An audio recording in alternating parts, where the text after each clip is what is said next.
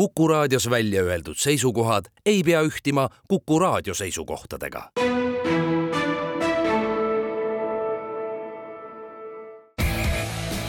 vutikohus. vutikohtul aitab pinget kruvida Pahv tere tulemast kuulama Kuku raadio jalgpallisaadet Vutikohus, mis on eetris igal neljapäeval ning mida juhivad Ott Järvela jalgpalliportaalist sokkernet.ee ja Andres Vaher Õhtulehest. meie saadet saab järelkuulata Kuku raadio koduleheküljel ja äpis Player ning samuti iTunesis, Spotify's ja Postimehe spordiveebis. vutikohus võtab igal nädalal jutuks aktuaalsed jalgpalliteemad ning tähtsamad jalgpallikohtumised. ning äh, meie esimene päevakorrapunkt, nagu ikka, on möödunud nädala jooksul peetud tähtsamad jalgpallikohtumised ning juhtumisi laupäeva õhtul Istanbulis Istanbulis üks üpris tähtis kohtumine mängiti. vastamisi olid võistkond Inglismaalt ja võistkond Itaaliast, tegemist kuuekümne kaheksanda meistrite liiga finaalkohtumisega ning Manchester City tänu kuuekümne kaheksandal minutil sündinud Rodri väravale tolles kohtumises Interi üks-null alistas, tuli klubi ajaloos esimest korda Euroopa meisterklubiks. Man Cityl nüüd finaalidest üks võit ja üks kaotus, Milano Interil kolm võitu ja kolm kaotust. kui seda mängu sportlikku poolt nüüd takkajärele vaadata, siis äh, ka viis päeva hiljem ma olen väga seda meelt ja veendunud, et see mäng oli väga hea reklaam Euroopa klubi jalgpallile, sest see oli mõlema võistkonna poolt kõrgetasemeline esitus. Ja no ma arvan, et eks kõike seda mõjutas ka ikkagi, ehkki ju kõik otsisid võimalusi, kuidas Inter võiks vastu saada, aga aga noh, kaine reaalsus ütles, et Manchester City on selle mängu, ma ütleks, et see oli üks, üks viimaste aastate selgemaid paare eh, nii-öelda siis eel, eelneva stardiplatvormi osas, väga, väga selge soosik. finaal jah, kus soosik niivõrd selge oleks ja. olnud naljalt meistrite liigas ikkagi ei ole olnudki. just ja see kindlasti mõjutas seda, et see mäng oli kokkuvõttes ikkagi hea ja, ja, ja ka tasavägine.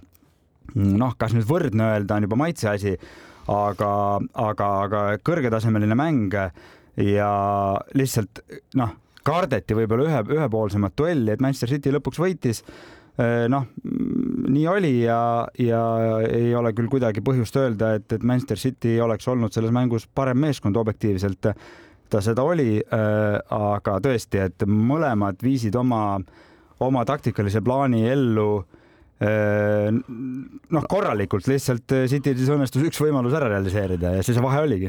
ja et äh, kui me, ma kommenteerin seda mängu koos Markus Jürgensoniga, kui me vaheajal astusime enda boksist välja, et, et mõtteid koguda, veidikene, veidikene hinge tõmmata, siis Markuse esimene tähelepanek oli, et pagan, kui, kui ägedalt taktikaline lahing äh, see, see mäng on. Ja see oli siis esimese poolaja järel, kus tuletan meelde, oli tegelikult ainult üks äh, väga selge äh, väravavõimalus, see oli Man Cityl kahekümne seitsmendal minutil, aga, aga, aga muidu ei olnud ju ka kohtumine üldse võimaluste rohke, jah, lõpus, kui Inter surus, siis noh, neil tekkisid kaks väga head võimalust, noh, see Romelu Lukaku šanss on, ma arvan, asi, mida jäädakse Milanos väga-väga pikalt mäletama, et kuidas ei suutnud Lukaku Lukaku sealt kolme meetri pealt palli tühja väravasse panna, vaid Edersonile pihta sai ja, ja lõpuks tegelikult jah, kui lugeda kokku neid väga häid väravõimalusi, siis neid tekitas Inter isegi rohkem kui Manchester City.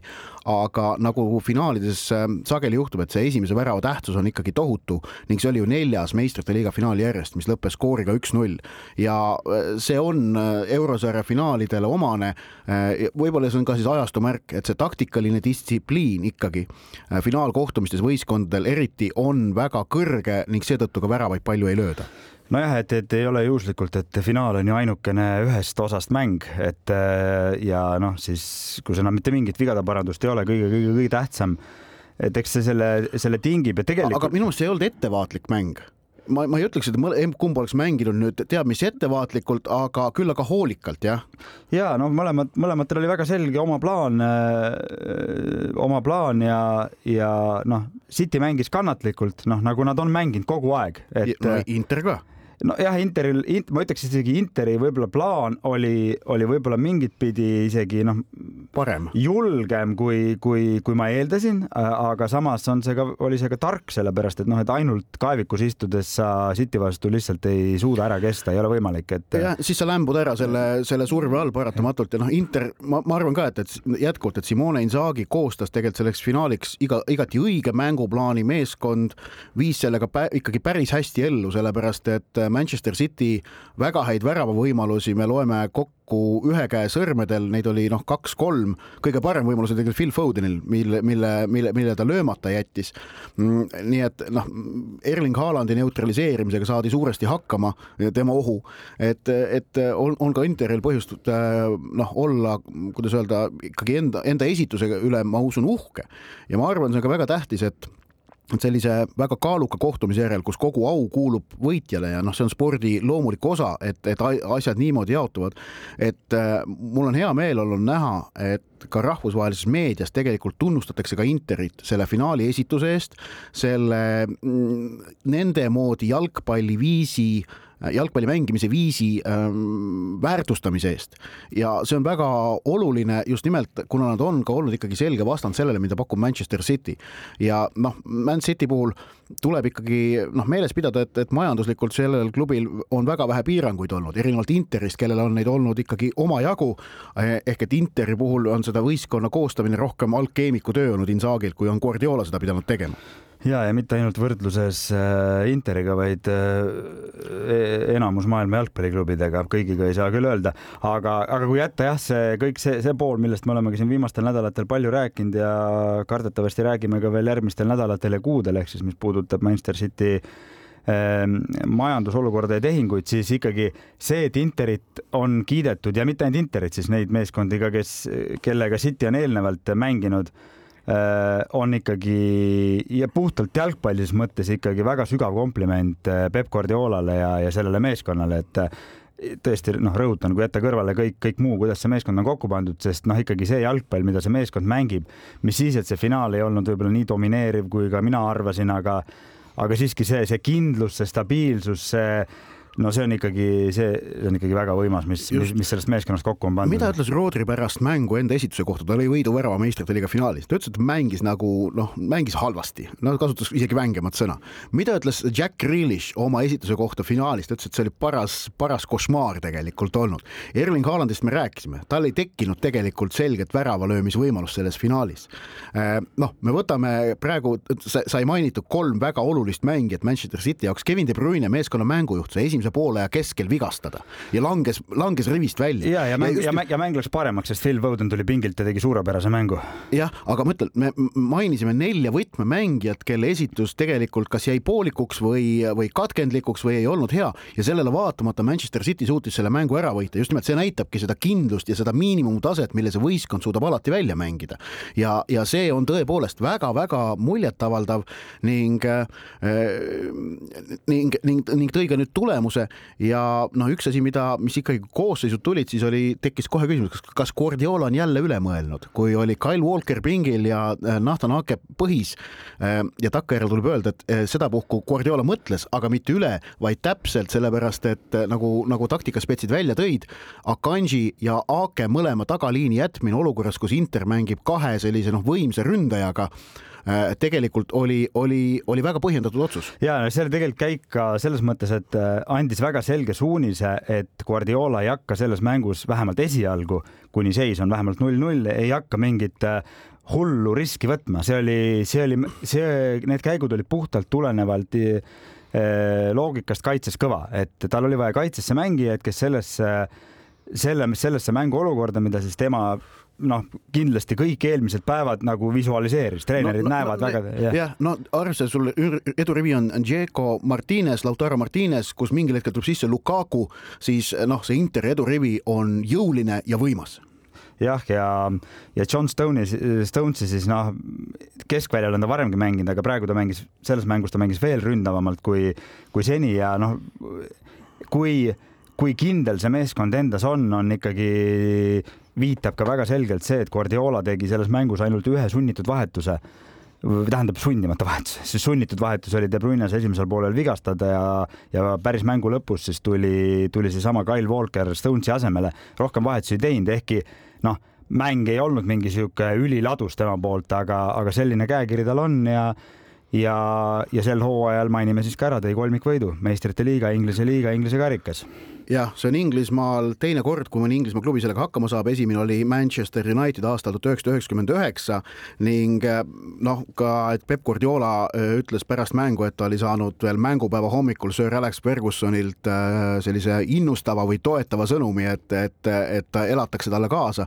selline kollegiaalsus on kahtlemata väga kaunis näha ja see kolmiktriumf, kuigi ta praegu ilmselt, tähendab, see on saavutus, mille väärtus hakkab ajas ainult kasvama et, et praegu ta on käes, aga, aga edaspidi hakatakse seda üha rohkem mäletama, sest ma olen väga kindel, et, et isegi kui Man City domineerib veel siin mõnda aega, siis sellise saavutuseni jõudmine on ikkagi väga keeruline, sest et noh, karikasarjades asjad juhtuvad, meistrivõistlusi saab veel kontrollida. aga, aga noh, omaette teema, millest tuleb nüüd rääkida, on ka see, et kuidas Manchester City seda võitu tähistas, sellepärast et see oli noh, maailma jalgpallimeedias vaatad vähemalt sama suur sündmus kui see mäng ise.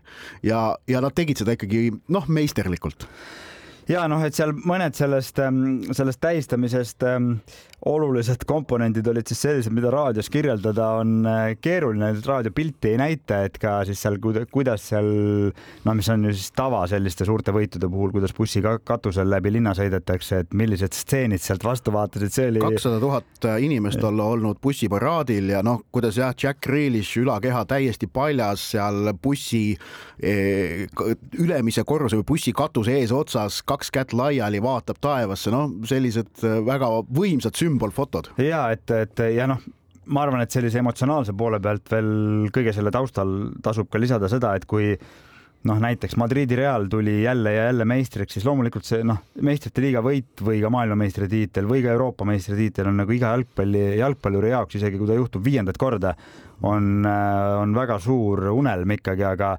aga noh, me võime ainult ette kujutada, milline kergendus see Manchester City mängijatele on, et see, see nagu Surve. üks asi on rõõm, ehe rõõm, kõik muu, mis kaasneb võiduga, ka materiaalsed pooled, kõik, kõik, kõik asjad.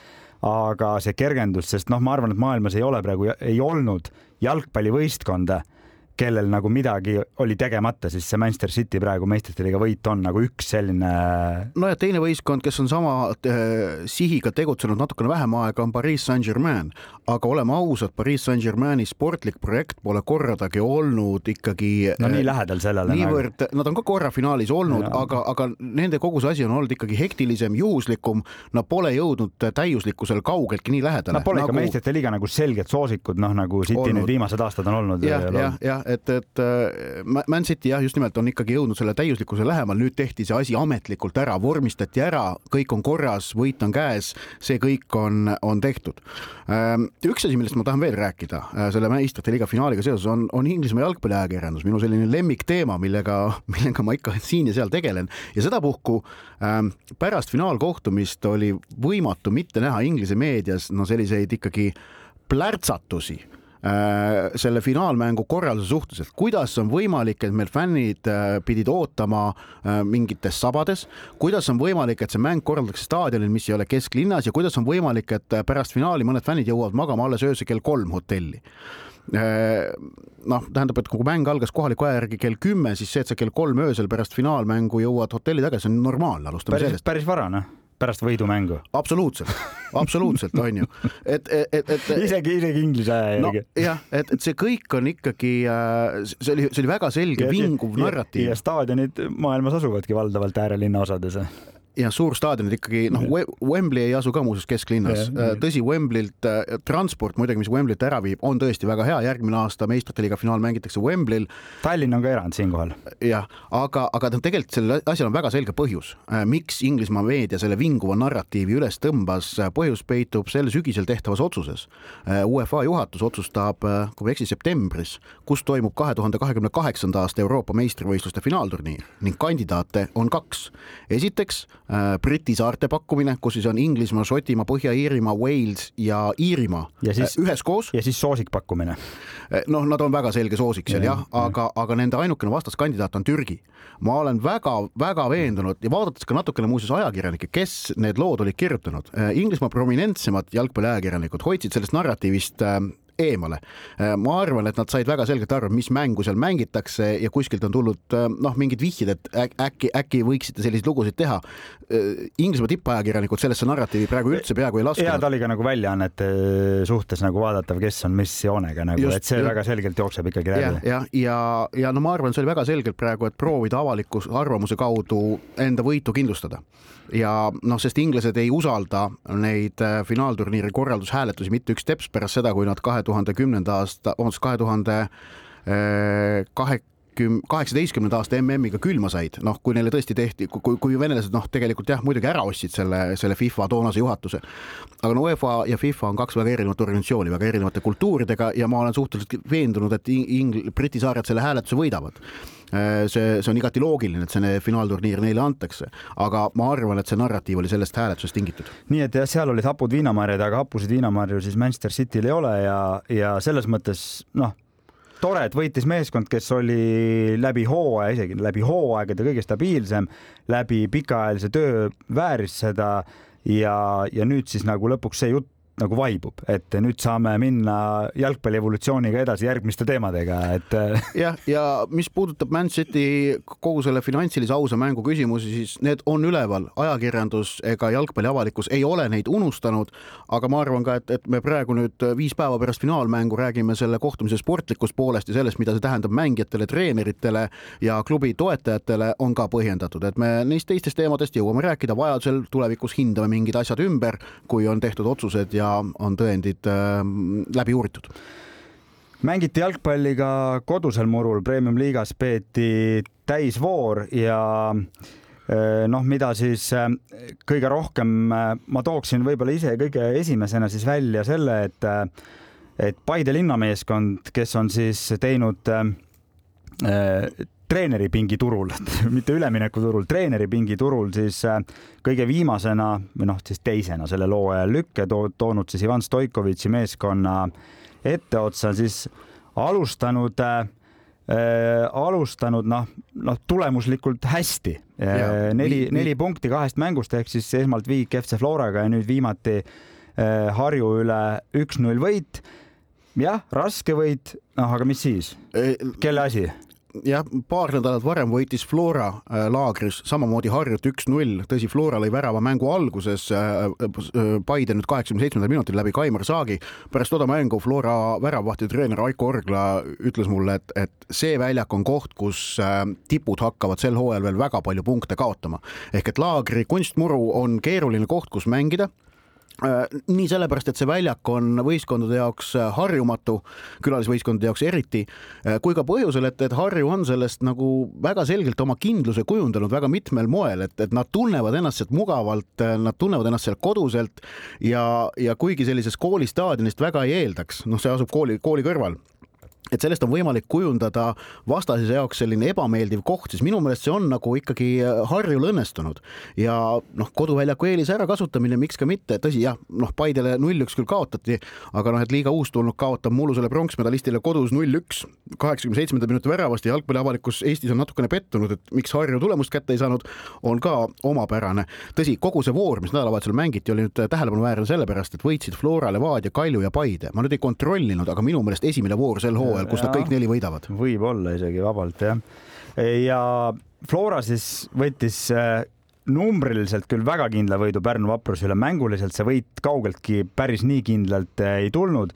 Levadia sai veel raskema võidu Tallinna Kalevil alles seitsmekümne üheksandal minutil Heitor võiduvärava lõi ja seal oli ikkagi noh, Levadial oli kõvasti tegemist, aga ka ei midagi üllatavat äh, tegelikult vaadates selle hooaja senist kulgu. absoluutselt ja noh, Kalev, kuigi neil olid jälle mõned mehed puudu ja, ja mingid hädad, siis äh, nad on väga südikalt mänginud ja Kalevil on ka natukene pinki. et kui Pärnu vapruse puhul me räägime sellest, et neil on, neil on ikkagi vahetusmängijatega olnud väikene kriis, siis Kalevil on pink veidikene pikem. Ähm, aga jah, seekord Levadiale nad vastu ei saanud, vaprus siis kaotas jah üks-viis Florale, seal mängus siis Konstantin Vadim Vassiljev näitas oma meisterlikkust äh, neljakümne meetri pealt värav.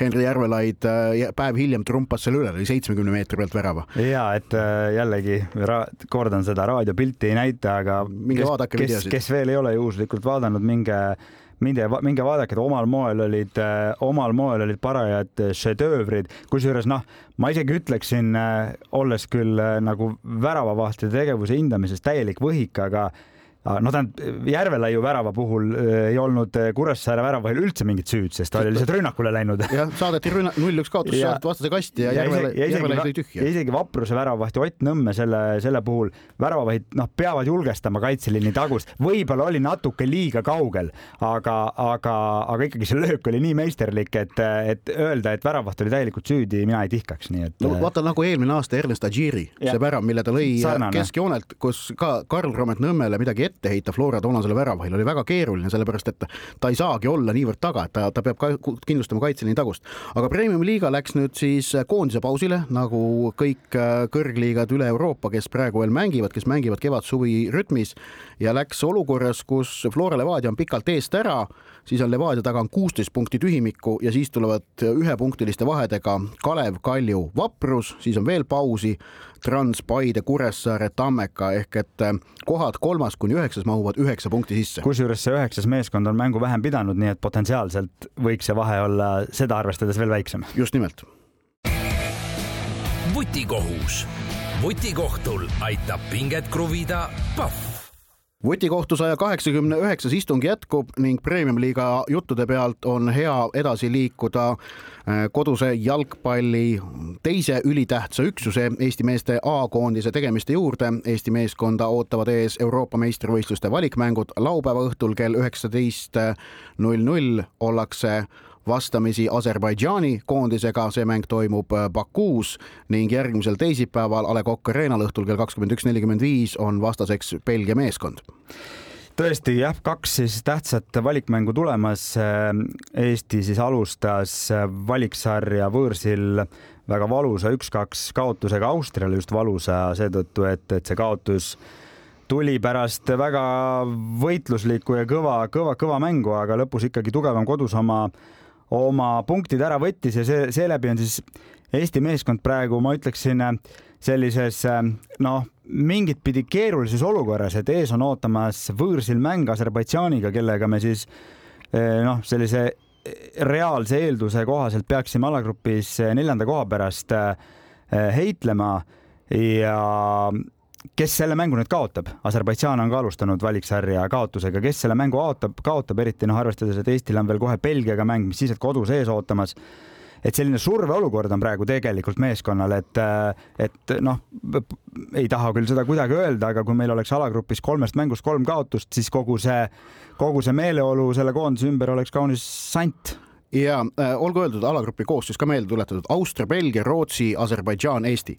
Ehk et noh, alagrupp on säärane, kus on kolm tippvõistkonda, Austria, Belgia, Rootsi, kes kõik on viimasel ajal pigem finaalturniiridel mänginud ja kohati väga edukalt ning kaks outsiderit, Eesti ja Aserbaidžaan, kusjuures Aserbaidžaan loositi selgelt kõrgema asetusega sellesse gruppi. Aserbaidžaani viimase aja rütmi iseloomustamiseks, ma arvan, passib väga hästi nende eelmise hoo, eelmise aasta äh, sügis, kus nad võitsid viis kohtumist järjest, neist kolm punktide peale, sealhulgas ka võõrsil Slovakkiat. Nad rahvuste liiga C-divisjonist kõrgemale ei tõusnud, aga said C-divisjonis oma alagrupis teise koha, äh, kümme punkti kuuest mängust, nii et äh, edestasid Slovakkiat kokkuvõttes, et Aserbaidžaani kvaliteet on Euroopa mõistes kahtlemata korralik. ja aga samas viimased kaks mängu on jälle suurelt kaotatud, et see Keva, aasta, see aasta on alustatud kehvalt ehk et sihuke ma arvan, et eks ta ongi selline võistkond, kes ei ole väga stabiilne, äh, noh nagu lõunamaade meeskonnad sageli on pigem. Kaukaasia võistkonnad on emotsionaalsed. just, et ehk et selles mängus on väga oluline on on saada selline oma rütm ja enesekindlus, äh, mitte anda nende sellistele võistkonnale, kus annad nagu hoo, siis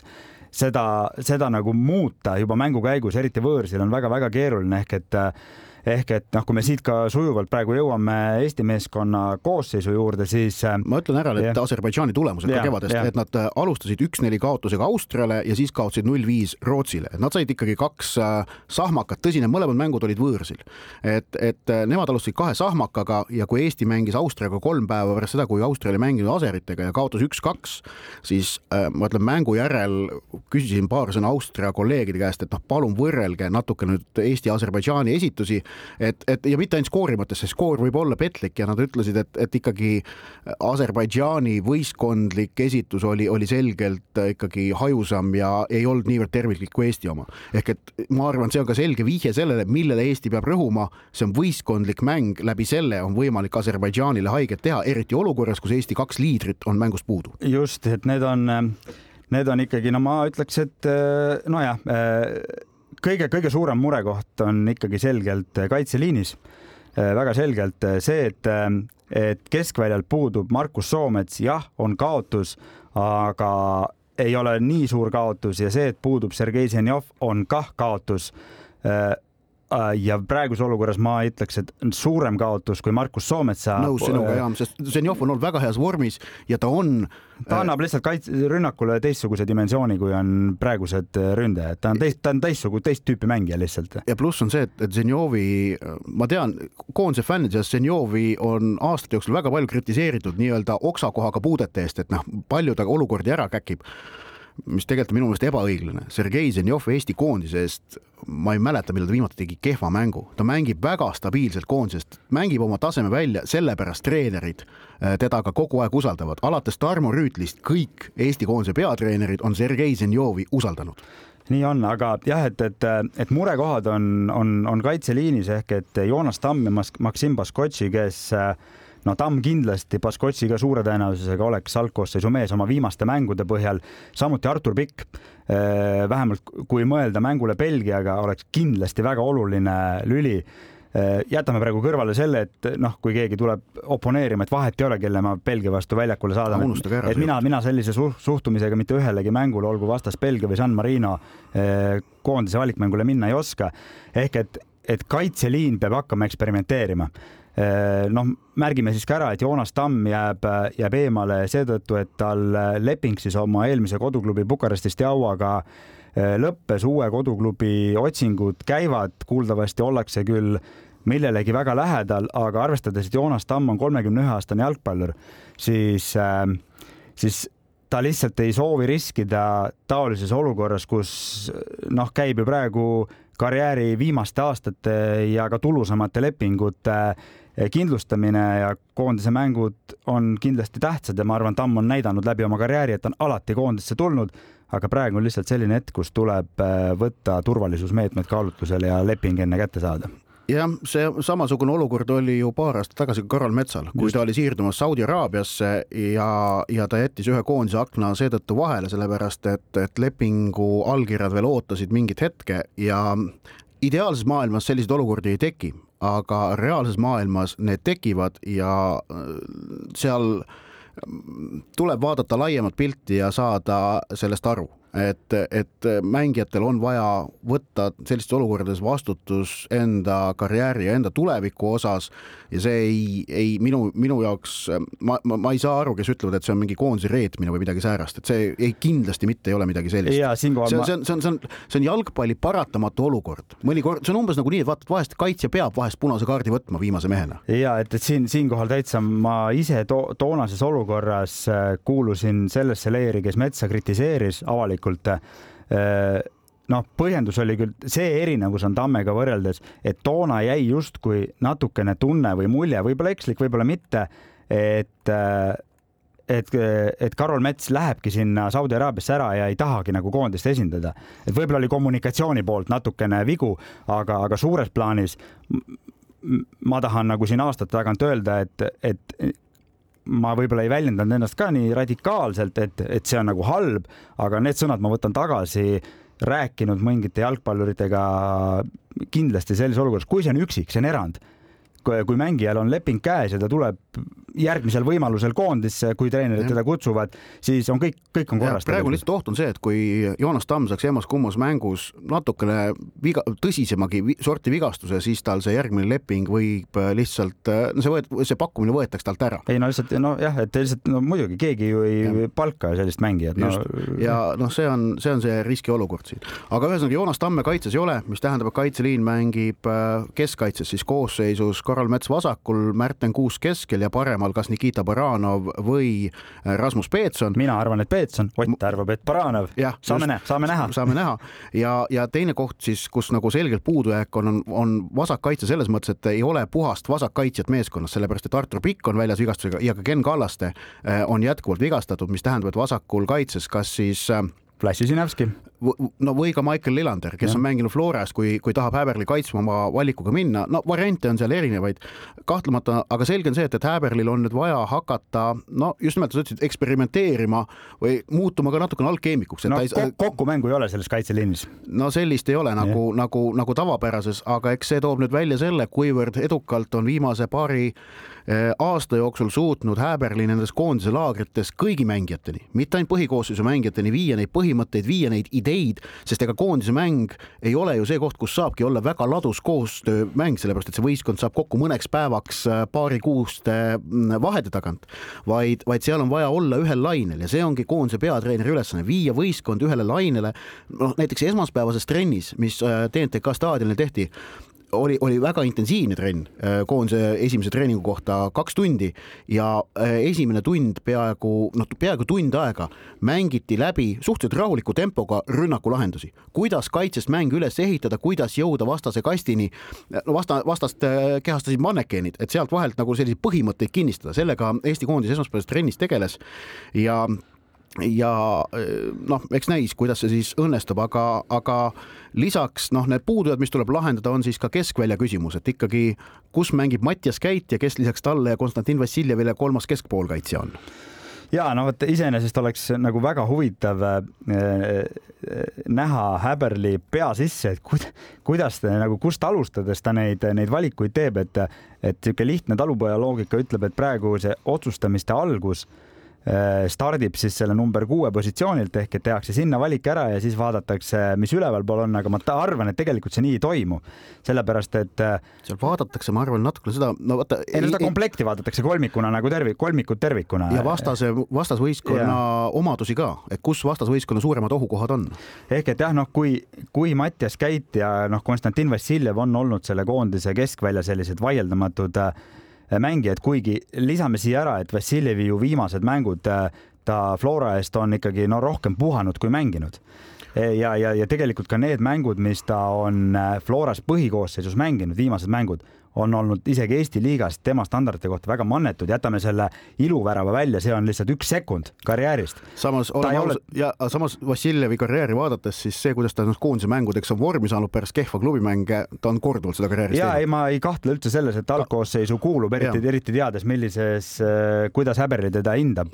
pigem on see Belgia mäng see, kus ja. ta, kus ta jääb, kus ta tuleb vahetusest. no seda ei tea isegi veel, onju, aga, aga et noh, et, et, et kui, kui Vassiljeva käit on paigas, Vassiljevi positsioon selles mudelis on, on, on teada, kus ta siis, siis käidi puhul on praegu küsimus, kas ta alustab kaheksa või kuue peal mm, mängudes siis maavõistluses Ungariga ja, ja valikmängus Austriaga alustas ta kuue peal olude sunnil. Noh, mängis, mängis oma, oma ära, ma ütleksin, aga ütleksin ka seda, et ikkagi selgelt Käidi kasutegur number kaheksa positsioonil koondise jaoks on suurem ja, ja ma arvan, et, et äh, arvestades kõike on praegu ikkagi loogiline, et äh, Vassiljev ja Käit on ülemised poolkaitsjad ja Markus Poom on alumine poolkaitsja.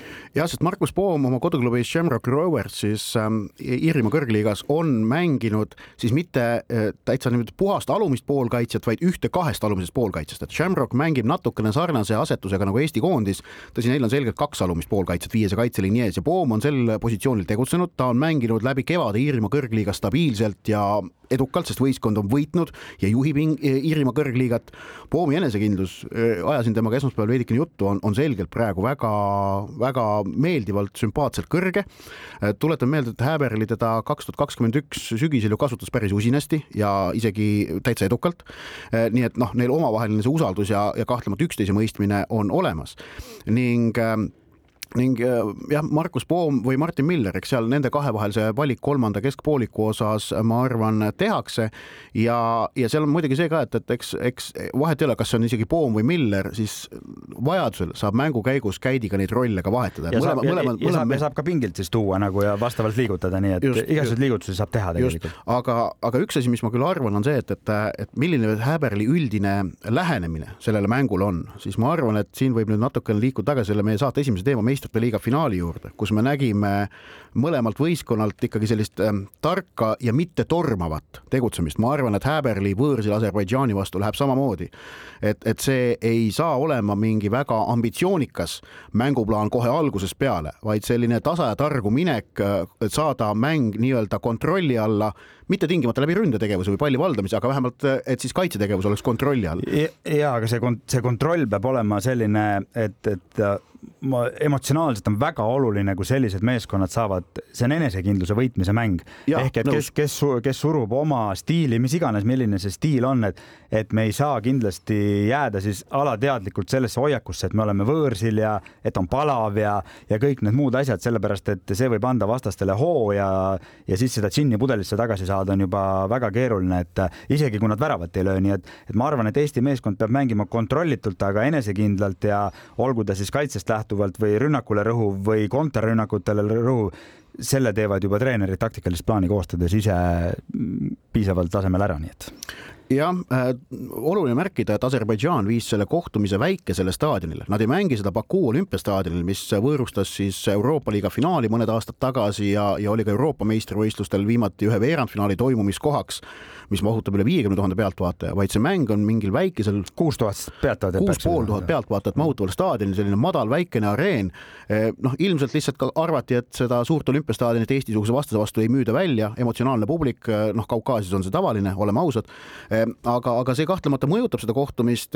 ma usun mingil määral, et see atmosfäär ikkagi see mängu toimumiskoht ju ka kujundab. ja, ja noh, tegelikult on ju keegi ei kui sa mängid viiekümne tuhandesel staadionil kümne tuhande pealtvaatajaga, võib see olla äh, vastasmeeskonnal isegi kergem, kui sa mängid kuue ja poole tuhandesel täismajaga, nii just, et, et selles mõttes, et öelda nüüd selle tõttu, et rahvast on vähem ja staadion väikem, väiksem, et, et et meil kuidagi kergem oleks, seda ei saa, aga no ma arvan, et Eesti koondises ei ole mitte ühtegi sellist mängijat, kellele nagu sellise publiku ees mängimine on üldse, üldse mingi probleem oleks. teine asi on ilm, noh, aga, aga see on ka, ma arvan, et ma arvan, kohale et tegu... kohale kohe järgi muidugi mäng algab öö, mitte kell üheksateist, vaid hoopis hiljem ja siis enam noh, nii palav ei tohiks olla. ja üks tegelikult võis meeskonna rivistuse küsimus, mida me ei jõudnud käsitleda, aga on, olgu öeldud siis, et edurivis, noh, Rauno Saplin alustab suht kindlasti, küsimus see, kes tema kõrval, kas Erik Sorga või Henrik Ojamaa, ma arvan, et Henri Anier on väga selgelt vahetusmängija rollis, sest tal mängupraktika viimasel ajal on olnud tagasihoidlik et seal on ka veel lahtine küsimus. ja no eks see otsus tehakse ilmselgelt äh, treeningute ja, või siis selle põhjal, isegi võib-olla valdavalt selle põhjal, et millised mängijatüübid on Aserbaidžaani kaitseliinis, et jällegi, mida, mida te, teab meeskonnas kautlus paremini kui meie. jah, et, et see on, aga see näitabki, et vaata, me räägime siin väga mitu valikut tehakse ilmselt vastavalt sellele, mida Aserbaidžaani äh, võistkond, milline täpselt on, näiteks ma arvan ka see, kas parem kaitses mängitatakse Taio Tõnistet, kes pakub võistkonnale seda, et ta viskab väga häid pikki aute, mida on võimalik ju kasutada tegelikult standardolukorrana. jällegi äh, Aserbaidžaani võistkonna skautimine, äh, kui neil on keskkaitses näiteks kõrgete pallidega probleemid, siis see tõstab tõenäosust, et Tõniste parem kaitses alustab. et sellist, selliste asjade põhjal pannakse paika koosseisu tegelikult nendeks mängudeks,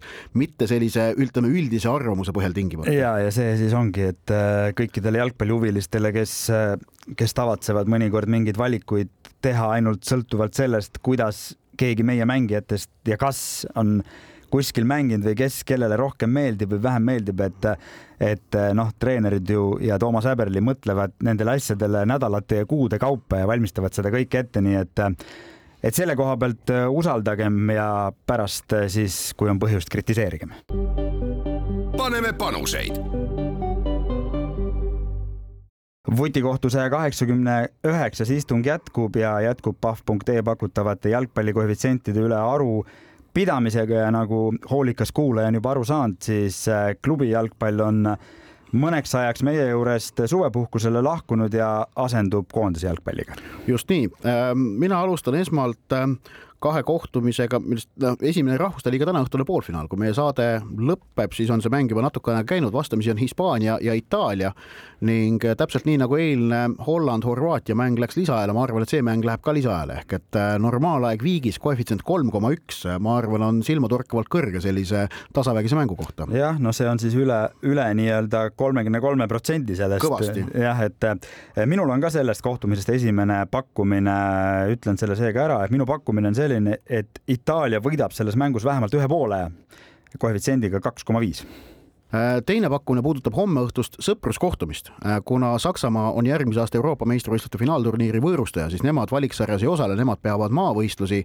Nad mängisid nädala alguses Ukrainaga ja mängivad homme õhtul võõrsil Poolaga ja minu pakkumine on, et Saksamaa ei võida seda kohtumist ehk et Poola ei kaota kodus äh, Saksamaale. tuletan meelde, Poola-Saksamaa vastasseisud on, on sellised naabrite väga põhimõttelised vastasseisud ja koefitsient sellele Poola kodus ei kaota on kaks koma üks see isegi on päris hea, Saksamaal on praegu paras kaos. no, no Saksamaa see... eksperimenteerib selgelt, neil on aasta aega minna koduse finaalturniirini. Nad, nad, nad tegelikult katsetavad praegu ja, ja, ja see on nagu noh, täiesti loogiline ja loomulik. ja, aga, ja aga see katsetamine kõik toimub ikkagi siukse paraja segaduse saatel, et, et Hansi Flicki saab ikkagi kui ta juhuslikult peaks kõike seda lugema, mis, mis kirjutatakse, eriti mis kaitseliini ja üldse meeskonna äh, nagu sulle meeldib öelda, sidususe kohta, noh, kui Saksamaa on die Mannschaft, siis see ei ole mitte kuskilt otsast praegu vähemalt selle põhjal, mis nad väljakul on näidanud, die Mannschaft, nii et, et Saksamaal on nagu kõva otsimine, et selles mõttes arvestades praegust olukorda, on see koefitsient korralik. nii ja minu kolmas pakkumine puudutab laupäevast mängu Aserbaidžaan-Eesti. Eesti võõrsil võit kolm koma kuus. Minu äh, pakkumine on sarnane sellele mängule, et Eesti ei kaota seda mängu üks koma üheksa ehk et meie mõlemad siis on viide sellele, et Aserbaidžaan on selle mängu soosik, võib-olla äkki ongi õrnalt, aga aga koefitsiendid on korralikud. sinimustvalgega ikkagi mõtleme, nii, mis no, su kolmas pakkumine on? minu kolmas pakkumine tuleb siis homsest õhtust, kus äh, siis äh, terves Euroopas EM-i teine voor pannakse käima Helsingis. Helsingi olümpiastaadionil mängivad Soome ja Sloveenia ja siin on siis selline variant minul välja valitud, et Soome lööb esimesel poolel vähemalt ühe värava koefitsiendiga kaks koma kolm. paneme panuseid vutikohtu saja kaheksakümne üheksas istung alustab oma viimase osaga ning vaatame põgusalt otsa eeloleva nädala jooksul peetavatele jalgpallikohtumistele. Eesti koondise EM-valikmängudest Aserbaidžaani ja Belgiaga või no tegelikult me rääkisime ainult mängust Aserbaidžaaniga, sellepärast et mäng Belgiaga tuleb siis teisipäeval, aga kuna väga palju selles mängus Belgiaga sõltub sellest, mis juhtub laupäeval Aserbaidžaani vastu, siis me mängust Belgiaga tõesti väga palju ei rääkinud. no aga... see on komplekt, on ikkagi mängude paar on see. jah, aga noh, ütleme Eesti koondisele veel korra tagasi vaadates, siis noh, selgelt punktide võtmise koht on laupäeval laupäeval Bakuus, et kui kodus õnnestub Belgia käest midagi kätte saada, oleks see väga-väga suur saavutus.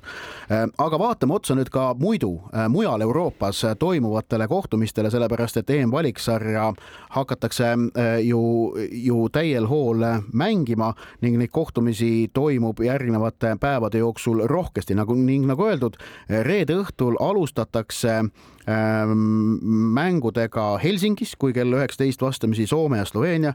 mul mõnevõrra kahju, et ma ei saa seda mängu minna Helsingisse vaatama, et oleks, oleks, oleks Eesti koondisel näiteks kodumäng laupäeval, siis oleks äkki variant isegi reede õhtul veel Helsingis ära käia, et mul on tunne, et see Soome-Sloveenia mäng võib Helsingist tulla väga kaunis jalgpallisündmus, juunikuu õhtu, Helsingi olümpiastaadion, Soomes valitsev jalgpallivaimustus, noh, Soomes ikkagi ootus on selge, et koondis jõuab EM-ile jälle, ega, ega nad vähemaga ei mängi seal ju kui minul oleks võimalus, siis ma läheksin laupäeval Oslosse vaatama Norra ja Šotimaa äh, mängu, mul seda võimalust ei ole, sellepärast et, äh, et Eesti koondis mängib samal samal ajal isegi, täpselt, täpselt samal ajal. Äh, aga see mäng, see Norra-Šotimaa mäng on väga põnev, sest Norra koondis ju, kes, kes on selline tõusev koondis, noor koondis, on alustanud valiksarja ikkagi väga nigelalt, null kolm kaotus Hispaaniale, üks-üks viik Äh, Gruusiaga, seevastu siis Šotimaa on alustanud hiilgavalt, lausa ülihiilgavalt, kolm-null võit Küprose üle, üle ja otsa siis kaks-null võit Hispaania üle ehk et, et. surve on Norral juba tohutu no,. ikka võidu, nad peavad selle mängu võitma jah, just sellepärast, et äh, muidu on olukord säärane, kus neil on kolme mänguga kaks punkti ja šotlastel seitse ja Hispaania ja Hispaania nende kahe vahepeal. no just, et, et see ohustab, et Hispaania ja Šotimaa on juba vähemalt viie punktiga eest ära läinud. just et..., just ja noh, tuletan meelde, need valiksarjad on lühikesed, siin on ikkagi vii, enamik alagruppe on viieliikmelised, mis tähendab, et ühe mängu kaal on väga suur, ainult kaheksa mängu ongi valiksarjas ja seda korrigeerimisruumi on vähe. nii et seetõttu see, see duell on isegi võib-olla, et selle nagu voorude komplekti minu jaoks üks, üks põnevamaid mänge, aga samal õhtul siis veel meie alagrupis äh, on vastamisi Belgia ja Austria, mis ka kahtlemata väga-väga oluline kohtumine ja loodame, et äh, Belgia väsitab ennast nii ära kui vähegi võimalik. et Austria suudab Belgiat võõrsil väsitada piisavalt äh, palju ja ja mängivad veel ka näiteks võib välja tuua Portugali ja Bosnia-Hertsegoviina kohtumise laupäeva õhtust. no Island-Slovakkia mängu tooksin ka välja, et see võib ka päris, päris äge olla, et no Islandi puhul noh, ega nende, nende seis selle hiilgeajaga võrreldes on ikkagi selgelt, selgelt kehvem ja noh, koondisel siin eelmine valiksari läks ju täitsa aia taha, aga, aga samas on huvitav vaadata, mida Island nüüd suudab, et noh, et selle, selle kaks tuhat kuusteist ja kaheksateist finaalturniiridele jõudmisega jällegi ootused aeti ju niivõrd kõrgeks ja noh, see ei ole meelest läinud ja kuidas nüüd äh, võistkond selle mälestusega suudab tegelikult oma peades hakkama saada, on, on huvitav jälgida. Pühapäeval äh, rahvu, Rahvuste Liiga finaal, kus siis äh, kindlasti mängib Horvaatia ja siis mängivad täna õhtul, sõltuvalt täna õhtusest mängust, kas Hispaania või Itaaliaga just muu Euroopa puhkab, Aafrikas peetakse terve posu valik, valikmänge, aga siis Euroopa valikmängudeks naastakse esmaspäeva õhtul, kus on siis terve rida selliseid noh, mingit sellist väga glamuurset paari ei ole, aga, aga kui näiteks kasvõi nimetada. Sloveenia, Taani äkki? Eh, jah, noh on, on põnev. Inglismaa, Põhja-Makedoonia, Prantsusmaa, Kreeka, noh, kus on küll eh, võõrustajad on mõlemas paaris väga selged soosikud, Sloveenia, Taani, Šveits, Rumeenia võib olla põnev mäng, Türgi, Wales, nii et selliseid äh, selliseid valikukohti jalgpallihuvilistel erinevaid. just ja järgmisel teisipäeval siis õhtul muidugi meie fookus on Eesti-Belgia kohtumisel A Le Coq Arena'l, aga tegelikult samal õhtul, samal ajal ähm, võluvaid kohtumisi veel, seesama Šotimaa-Gruusia näiteks, šotlastel hea õnnestumise korral on vaata et võimalik seal juba EM-ile peaaegu ühe jalaga astuda.